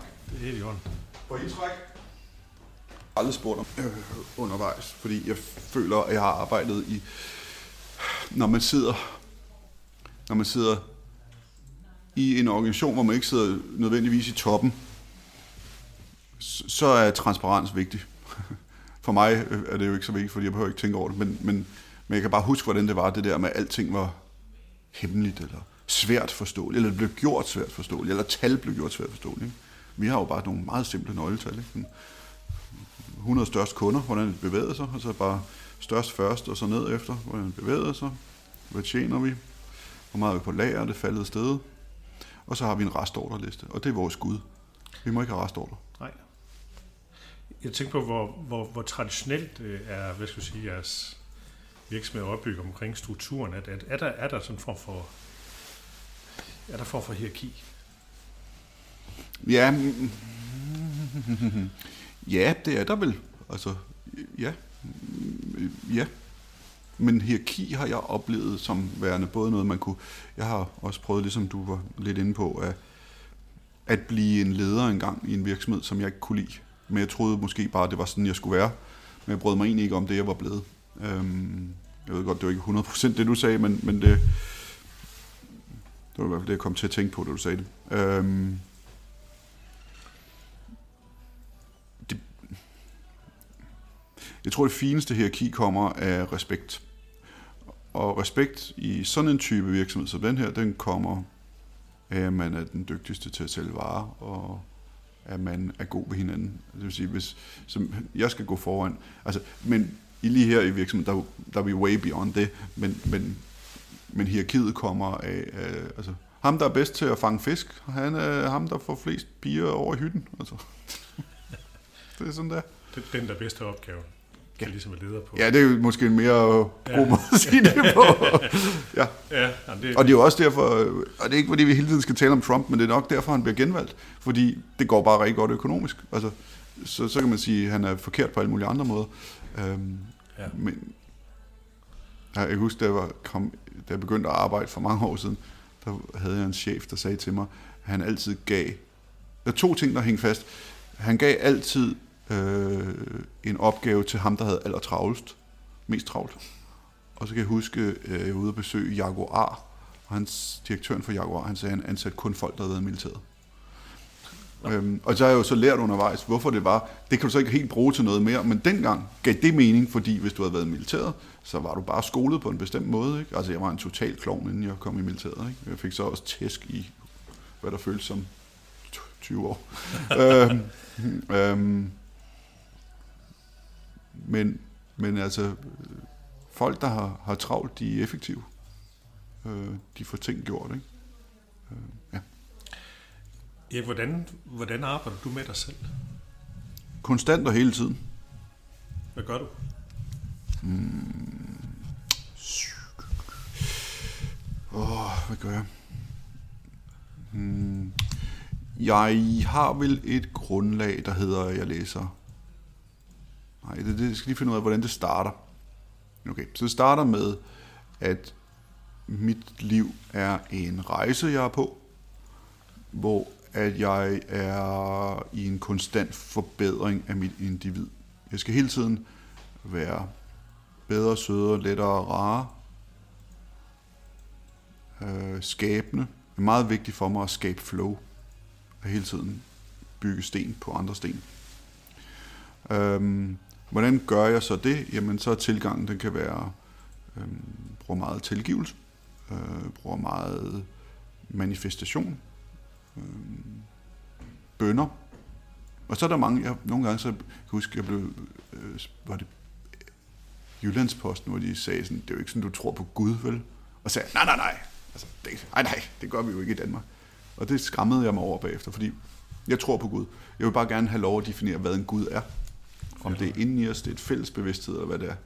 Men ja, jeg tror 100% på, at der er noget, der er større end os. Og jeg tror, at vi er med i noget, hvor vi til en vis grad skal opføre os ordentligt for at have det godt. Det kan også være defineret af vores egen grundpsyke. Det kan være nogle grundregler inde i vores underbevidsthed, men ikke desto mindre, så virker det, så jeg tror på, at der er noget. Så jeg beder meget, jeg beder hver morgen, så det første jeg gør, når jeg vågner, det er, at jeg beder for de ansatte. Og det kan være min måde at vise dem kærlighed på. Hver enkelt. Og det tager lidt tid. Jeg tænker på nogle af dem der, der har meget store virksomheder, hvis de skulle gøre det. det tager tre timer at komme hjem. Ja, nummer 614. ja, det, det, det, det er rigtigt. Men, men i hvert fald, det er noget mere... Det kommer ned til noget så sindssygt basalt, som at sende kærlighed. Derfor til det enkelte menneske, og beder egentlig bare om, at de får en god dag, og beder om, de har det godt, og deres liv har er godt. Og, øhm, for eksempel har mm. øh, vi har en ansat, der har mistet en nevø i julen, og, som har gjort rigtig ondt. Øhm, ung, ung person, færdseluheld. Øhm, jamen, så kan jeg bede for det øh, og hjælpe øh, med det. Øhm, jeg tror, vi, ligesom hvis, hvis vi tilgiver, at det påvirker. Om ikke andet, så påvirker inde i vores hjerne. Om ikke andet. Det er til alle nej-sigerne, ikke? Så, så tror jeg også, det her påvirker. Jeg har sådan en, en øvelse, jeg har arbejdet med sidste måneds tid, hvor at, øh, det er et kursus, jeg har taget i USA, hvor at hvis nu der er nogen i trafikken, der er meget irriterende, så i stedet for at blive sur, så kigger jeg på personen, og så, jeg siger ikke noget, og så siger jeg bare ind i mig selv, jeg elsker dig, og det er okay. Og jeg kan godt forstå, at du synes, det er træls lige nu, men det skal nok blive godt det hele. Jeg lover dig det. Og det giver i hvert fald mig en god følelse. Hvis det bare en lille smule også giver en bedre følelse til den anden person, så er jeg en total vinder. Øhm, for mig er det komplekst, fordi på den ene side, så synes jeg lidt, at jeg har sådan en iboende gigantkapitalist, samtidig med at jeg har den her helt vild lille nøgnedreng, der bare løber med blomster i munden. Øhm, og, Humanistisk kapitalist. Ja, ja, det er en god måde at sige det på. Socialkapitalist. Øhm, jeg synes, når jeg føler, at min ånd går i et med mig, og mit hjerte udfolder sig, der er mere og mere, der viser, at der simpelthen sidder nogle ting i vores hjerte, der gør, at blodet skal strømme igennem der, fordi det er det, der giver os vitalitet og kærlighed. Når jeg formår at være i det stadie, så bliver jeg meget elskværdig øh, og føler meget kærlighed og forbinder mig rigtig meget til ting omkring mig. Og så får jeg noget guidance af professionelle mennesker. Øh, alt fra ayahuasca tager jeg ikke mere, fordi det er meget nedbrydende. Øh, men nogle gange skal der nedbrydes nogle ting, for at man kan bygge op. Men det er hårdt. Det er hardcore at gøre, hvis man gør det på en rigtig måde. Øh, og så arbejder jeg med Isabel er jo en, jeg arbejder fast med. Mm. Øhm, ugeplan, månedsplan. I perioder vil Isabel gerne have, at vi arbejder tre gange om ugen, og det er så hårdt. Mm. Øhm, og øh, og det, er, det foregår rent praktisk ved, at det kan være, hvis hun rejser rundt i hele verden, så det kan være på telefon, at, at det er en guided meditation. Okay. Det giver en, en, en, en, en, en, en, en clear, clearness i mit hoved. Øhm, og jeg ved, hvor jeg skal gå hen. Det kan også være et større spørgsmål. Hvis vi har, altså, normalt øh, vil en bestyrelsesformand jo sige, øh, vis mig lige Excel-arkene, og hvem er konkurrenterne. Ikke? Og det gør vi aldrig. Aldrig. Altså, men det er de vildeste formål, vi løser. Øh, men, så vi mediterer på det. Øh, så udover det, jamen, så beskæftiger jeg mig jo med alle mulige forskellige ting, jeg kan komme i nærheden af. Øh, og den vigtigste ting, det er jo at prøve at få fat i nogle bøger, hvor jeg siger, der er der, der er noget, der er anderledes. Der er nogen, der ændrer noget. Og så har jeg lagt mærke, mærke til, at jeg har et meget, hvor jeg havde et meget stort socialt liv, har jeg et meget lille socialt liv. Fordi jeg kan næsten ikke, jeg kan ikke være for meget sammen med for mange. Øh, det, det, det kan min psyke ikke klare, hvis jeg skal lave det job, jeg skal lave. Altså havde jeg solgt virksomheden og sad med en stor pose penge, så ville det være anderledes. Altså, øh, så ville jeg sikkert bare rejse rundt og møde en masse mennesker og drikke en masse øl og have det sjovt. Men, men på den her rejse lige nu med at skrive bog og foredrag, og det, der har jeg meget behov for en enorm øh, kontrolleret boble at være i. Og vi har også talt om, om jeg skulle have en assistent, man skulle igennem for at komme til mig, fordi jeg er relativt let at komme i nærheden af. Du har jo også, du har også sagt under samtalen, at du kan også godt blive påvirket af andre mennesker. Du kan mærke det ja. nogle gange, ikke? Kan man sige, det er jo... Og det dur ikke lige nu. Nej, det øhm, forstår jeg godt. Så, så selvom du føler, det var let at komme igennem til mig, så er jeg også ret selektiv. Ja. Så det er bare meningen, at vi skal være her sammen. Det og det må endelig ikke fremkomme Nej. elitært på nogen måde, det ønsker Nej. jeg ikke. Øh, men det er klart, øh, hvis jeg også bevæger mig ind i politik på et tidspunkt, så bliver man nødt ja, til at tænke over, hvad er adgangsvejen. Ikke? Til at starte med har vi fjernet mit telefonnummer fra hjemmesiden. det, det er super taknemmeligt for, at vi alligevel fik adgang. Nej, det burde, altså, ja, ja. ja, tak. Så tak. Hvad hedder det? Normalt, når jeg sidder og snakker med de her virksomhedsledere, så, så tit, det, det vi sådan kommer til at snakke om overvejen, det er sådan mere konkrete ting mm. øh, omkring ledelsen og organisationen. Det har vi måske ikke snakket så meget om her i dag, og det er fint nok, vi, vi, vi er på vej mod slutningen her. Øh, så derfor ved jeg ikke, om det giver mening at stille det her spørgsmål. Jeg plejer næsten altid at spørge om, altså, hvilke gode råd du har, som du gerne vil give videre til andre virksomhedsledere, eller øh, har du alligevel et eller andet, du, du gerne vil sige der? Ja, for sådan. Øh, jeg er ked af, hvis det skal slutte. øhm, ja.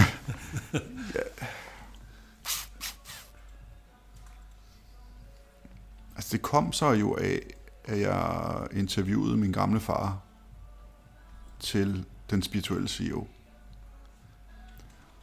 Og øh, vi skrev faktisk helt kapitel om ham, og en eller anden årsag valgte man, at det ikke skulle med. Men det var virkelig et interessant kapitel, fordi han fortalte meget om... Så han tog udgangspunkt, nu, jeg tager lige en, som sædvanlig en meget lang vej rundt omkring ikke? så han tog udgangspunkt i, at i øh, 60'erne, så var 80% af alle virksomheder, de var privatejede af familier, som stod inden for dem og stod bag dem. Hvor det tal er fuldstændig omvendt i dag. Nu er de ejet af ansigtsløse aktionærer og direktører, som kun er der for at tjene penge. Så det, det, er, en, det er en ting, det er en base. Så, for at skabe noget, skal man jo forestille sig det. Altså jeg forestiller mig, at Elon Musk har siddet og kigget ud over San Francisco Bay og blevet enig med sig om, jeg laver sgu nogle elbiler. Jeg har alle de her penge, jeg laver sgu en elbil. Ikke? Eller, han, han må have haft en forestilling. Det er sikkert. Øhm, eller nu sad Ingeborg og jeg til en frokost hos nogen, der har en nystartet, men meget, meget stor virksomhed i Danmark forleden dag, og ham, der ejer den, sagde, næste år der omsætter vi 300 millioner mere. Vi vokser 20 procent. Det ved jeg er rigtigt. Det kommer han til. Det ved jeg, han kan. Men han har en kraftig vision om, om det. Han ved det. Og det kan man jo så kalde strategi og mission og vision og alt muligt. Men i virkeligheden er det jo en mands drøm. Så derfor så, du var selv ind på det, er jo, hvad er drømmen for mig på vegne af CVR-nummeret, virksomheden? Og, øhm, og, og, og, og der bliver man jo så nødt til at ligesom kigge, ikke indad måske, men tilbage på en selv udefra og sige, hvad skal jeg kunne være, forblive eller blive til, hvis jeg skal lykkes med den her opgave? Og en af de ting, vi jo prøvede i forbindelse med, at vi havde den kvindelige leder inde, det var, at jeg var jo tilknyttet forretning, men havde ikke et job. Og det er nok min fineste opgave det har været det her med at fjerne det at have en funktion. Lad os kalde det en funktion. Fordi det betyder jo ikke, at jeg... Det kan være lidt underligt, fordi når jeg møder ind på kontoret i går, så havde jeg godt nok et skrivemøde på tre timer men, til den nye bog, men ellers havde jeg ikke noget. Ja, det er ikke det der, altså som, som vi egentlig benævner som simpelthen at være placeholder i virksomheden. Jo. Skabe det rum. Jo. Jo, jo. Men, men, men, ja. men, men altså, så jeg kan jo godt nogle gange så kan få sådan en angst for, uh, vi har jo, hvad skal jeg dog bruge min tid på? Det ender så altid med, at der er rigeligt at lave og masser af spændende ting, men, men det har været en fantastisk ting. Og det har vi jo så gjort, og det, så det vil jeg anbefale, det er, man skal lige tænke over, når vi får ting ind, så tager vi og vurderer, er det godt for firmaet? Er det godt for jeres ego? Er det godt for pengepunkten? Er det godt for de ansatte? Har det et almindeligt nyttigt formål? Hvis vi ikke kan sige ja til en af de her ting, så bliver vi nødt til at sige nej tak. Og det gør, at der er meget lidt crap her, og exceptionelt få møder. Altså helt ekstremt få møder. Og når vi har de møder, så fylder de, at de meget betydningsfulde, fordi vi ikke har for mange af dem. Og det vi så har gjort, det er, at vi jo så har ført det til næste skridt, og det er, at vi har sagt, at vores ledere skal have en dag om ugen, hvor de intet har i kalenderen. Og der skal de være sammen med mig. Og der skal jeg være på adressen, og de skal være på adressen. Fordi hver gang jeg ringede til en indkøbschef eller en salgsdirektør eller et eller andet, hver gang, de var altid på vej ind og ud af et fly, og de havde, jamen altså, jeg har så travlt ikke. Jeg har slet ikke tid til at tale med dig. Nej, du har ikke tid til at tale med min direktør, men jeg har ikke noget at lave, så vil du ikke godt tale med mig. Det var en joke. Øhm, så det er, det er nok min, min aller mit allerbedste råd, det er, tag lige og pille alt væk. Gør det stille og roligt, fordi ellers bliver det ligesom at gå på antabus. Tag lige og sige, okay, drikker jeg for meget? Så er jeg lidt knæven om morgenen. Fordi bare det at drikke to-tre glas rødvin eller to-tre øl, det er meget let, når man driver forretning. Fordi du er enten til receptioner, eller du er ude med nogen, eller du sidder derhjemme og bare prøver at dulme et eller andet, du ikke overgår at mærke. Så tag lige at fjerne det. Prøv lige at tænke over, du skal ikke fjerne kød, fordi det er sundt at spise kød, men tag måske at spise 10% kød og så salat. Se, okay, nu er du fjernet, i januar, der fjernede du alkoholen. Du halverede den bare, ikke? Og så begyndte du i februar dernede der med, så spis noget mørk chokolade, 70-90% hver gang du får lyst til noget af det der, jeg sidder og spiser hele tiden. Øhm, se, godt, hvad er jeg nu for en? Hvad er jeg? Fordi din krop, alle leders krop, alle ansatte, alle menneskers kroppe er robotter. Ikke? Det er kødrobotter. Så hvordan bliver vi så påvirket det? Gav det noget mere clearness i vores hoved? Godt. Med det, hvad vil vi så gerne nu? Kan vi skabe noget ro? Hvor mange møder har jeg på en måned? Godt. Siger bare et tal. Ikke? Jeg har øhm, 62 møder på måned. Hvor mange af dem er egentlig noget, der har givet mig noget? Så kan man sætte sig ned og kigge på alle de der møder og sige, okay, det var reelt var det 12 møder, der rent faktisk gav noget. Godt, hvad er det for nogle type møder, jeg altid havner i? Og er det, fordi jeg ikke kan sige nej tak? Ja, okay så fjerner vi det. Godt, nu har du virkelig meget tid. Fordi nu, nu har du altså kun godt og vel en tredjedel, nej undskyld, en fjerdedel møder, ikke? Hvad, hvad skal vi så nu? Hvad skal vi tænke på? Hvad er egentlig, hvad er vores drøm? Så, så det, jeg tror ikke, at du kan sætte dig ned og læse en, en moderne ledelsesbog, den bare siger, der skal der gøre sådan og sådan og sådan, og så får du et fantastisk arbejdsliv. Sådan er det ikke. Det handler om, hvordan vi får det bedre ind i, og hvordan vores ånd går mere i et med os, så vi forstår vores formål. Og det kommer ned til det aller, aller vigtigste af alt. Find ud af, hvorfor du er. Hvad er din mission? Er du her i Tyrmer Tools for at gøre hvilken opgave, eller hvilken job, eller jeres, hvad er jeres why? Uh, du berører rigtig mange ting det, du lige sagde, der kommer virkelig omkring. Du kommer faktisk også omkring øh, det, vi kalder compassion. Altså det der med at have nogle pauser, en ro en, en gang imellem. Lige fornemme dig selv lidt, kan man sige. Ja. Øh, skabe noget nærvær. Ved du godt, at der kommer et studie ud nu af mænd over 45 må kun arbejde 25 timer om ugen? Bum. Skal vi slutte på den? Nej, det, vi skal, det vi skal slutte på. Jeg har faktisk et dræberspørgsmål her til sidst. Ja, tak. Så bliver det sidste spørgsmål der. Hvad er du glad for, at jeg ikke har spurgt dig om? Det er ikke noget for at hænge hemmeligheder. Fantastisk. Men, det, men til gengæld vil jeg gerne, det må du godt uddybe. Du må godt spørge om hemmelige ting, fordi det tror jeg netop, det er det allervigtigste. Hvis du vælger at stå i front for noget, så tror jeg, det er sindssygt vigtigt, og herunder mig selv, simpelthen fjerne alting. Og for mig har det været gradvist at kunne det. Altså, jeg husker første gang, jeg sagde til øh, VL-gruppernes samlede formænd til et foredrag, at jeg rent faktisk er en spirituel guide. Men i dag, jeg er ikke bange for, heller på bånd, for at sige, jamen i øjeblikket, der arbejder jeg på mit begær. Altså, det er en ting, jeg bliver nødt til at være dygtig til at kunne tøjle. Hvis vi tør at sige de ting, jeg kan da godt være, ja, det håber jeg da, jeg kan være en inspirerende og dygtig forretningsmand, selvom jeg har alle mulige flaws, jeg arbejder på. Selvfølgelig har jeg det. Jeg tror, at når vi står rent, så er vores krop som en lysende lygte af energi, som inspirerer og giver energi til andre. Og folk kan simpelthen mærke, om man er ren. Om man står rent. Og der, når man formår det, det kan man en gang imellem, så formår man at lyse så meget, at man gør noget for andre. At man kan lyse vejen for andre. Og det lyder, måske bliver det for kompliceret, men det er i hvert fald bliver man nogensinde den perfekte? Nej, men man kan blive den ultimative af sig selv. Jeg kan huske, øh, min far holdt en tale for sig selv, da han blev 70 for nylig.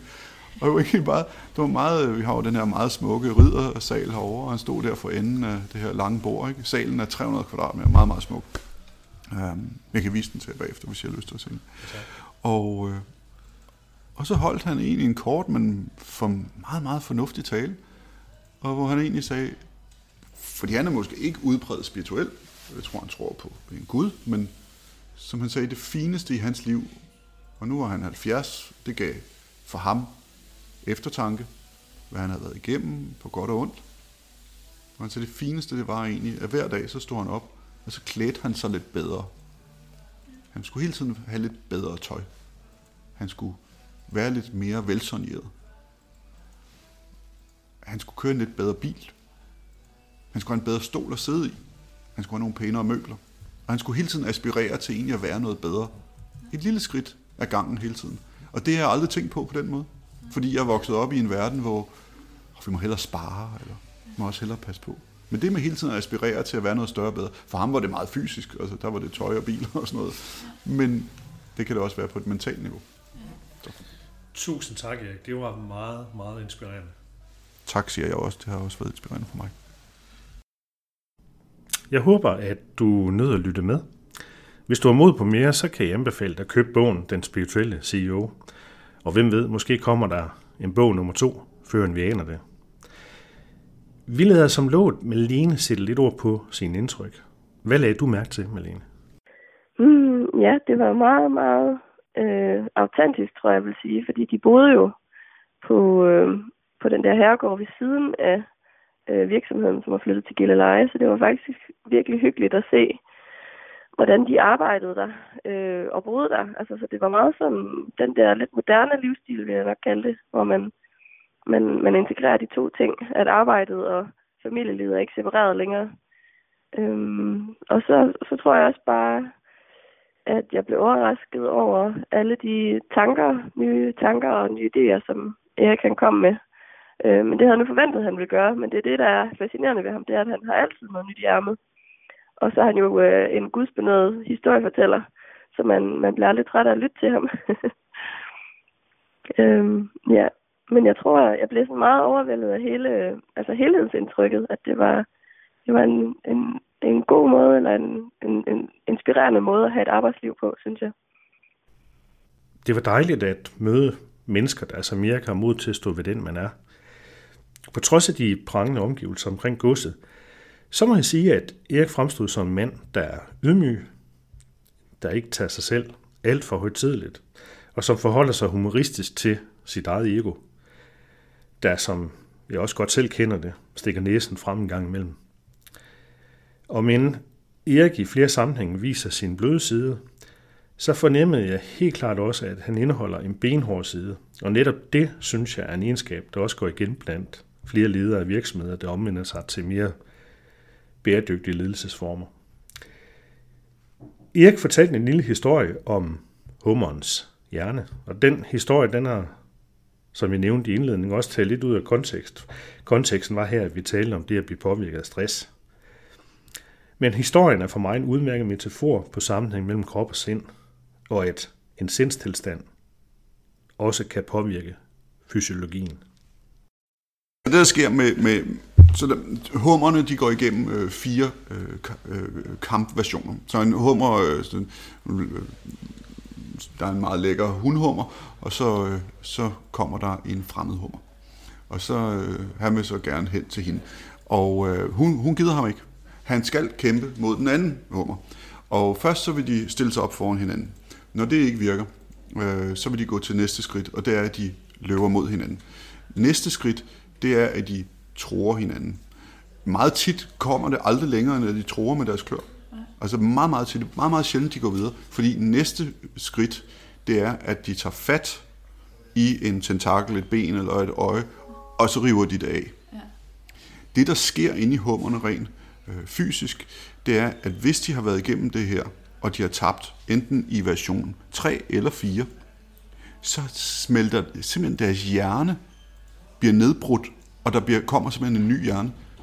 Der bliver simpelthen bygget en ny hjerne rent kemisk, og den hjerne tilhører nu en hummer, som er et, en hummer, som ikke tror på sig selv, og som ikke er værdigt. Den har mindre, hvad der svarer til testosteron, og den får en meget, meget krum, bøjet, øh, øh spændt krop. Og den anden hummer, der vinder, den vil strække sig ud og simpelthen virke større. Jeg kan da også se det på mig selv. Jeg har da perioder, hvor der hvor, om, jeg behøver ikke engang være i træningscenter, men hvor jeg simpelthen har mere power. Det i fysiologien, kan man sige. Ja. ja. Jeg ville ønske, at jeg kunne sidde som fluen på vægen og afdække endnu mere strukturelt i Tyrmer og 27. For jeg er sikker på, at der endnu er mange gode ting at opdage i virksomheden. Lad os slutte denne podcast episode af med en historie fra Erik om Eriks og Ingeborgs besøg i en Masai-landsby. Og tak fordi du blev hængende så langt og lyttede med. Hvis du tager ud øh, til øh, Masaierne i Afrika, vi, Ingeborg og jeg har prøvet at sove i en Masai-landsby, øh, som stort taget aldrig havde set et hvidt menneske. De har aldrig set en mobiltelefon. Og jeg var meget, meget dum at tage en ramme øl med til dem. Det skulle vi aldrig have givet dem. Da den der høvding og hans venner havde drukket den der, så var de jo ved at slå os og øh, sig selv ihjel. Ikke? For Men øh, det er en anden historie. Øh, men, men deres perspektiv er jo ikke, at de har et dårligt liv. De har et dejligt liv. Ja. Jeg kan lige fortælle en anekdote her, ikke? fordi øh, høvdingen, han sagde så næste dag, at han havde aldrig prøvet ondt i hovedet. Øh, han mente jo, at han, han var blevet straffet af Gud. Ja. Fordi Selvfølgelig. Det var, ikke, det var ikke alkohol. Men øh, så spurgte han, om man måtte købe Ingeborg. Ja. og så sagde jeg, at det, hvad han havde, altså jeg ville gerne lige høre prisen, ikke? Og han var ret nyforelsket på det tidspunkt. Øh, så, så han sagde, at han ville gerne give, han ville gerne give 10 kør. Og så sagde jeg til ham, at, at det, jeg vil jo ikke være fræk, Nej. Men jeg synes, det var en dårlig handel, fordi Ingeborgs far har 1.400 køer. og så hele landsbyen, de faldt om på ryggen og grin. De var fuldstændig færdige at grine. Ingen gang Gud havde 1000 køer. Altså, to bjerge væk, der var en mand, der havde 50 køer. Men nobody, like nobody has a thousand Så cows. det er jo deres verden. Er Og, det er jo, og så, det, så grund til at sige, det er, vores opfattelse af, hvordan vi har det, er ud fra vores eget selvbillede.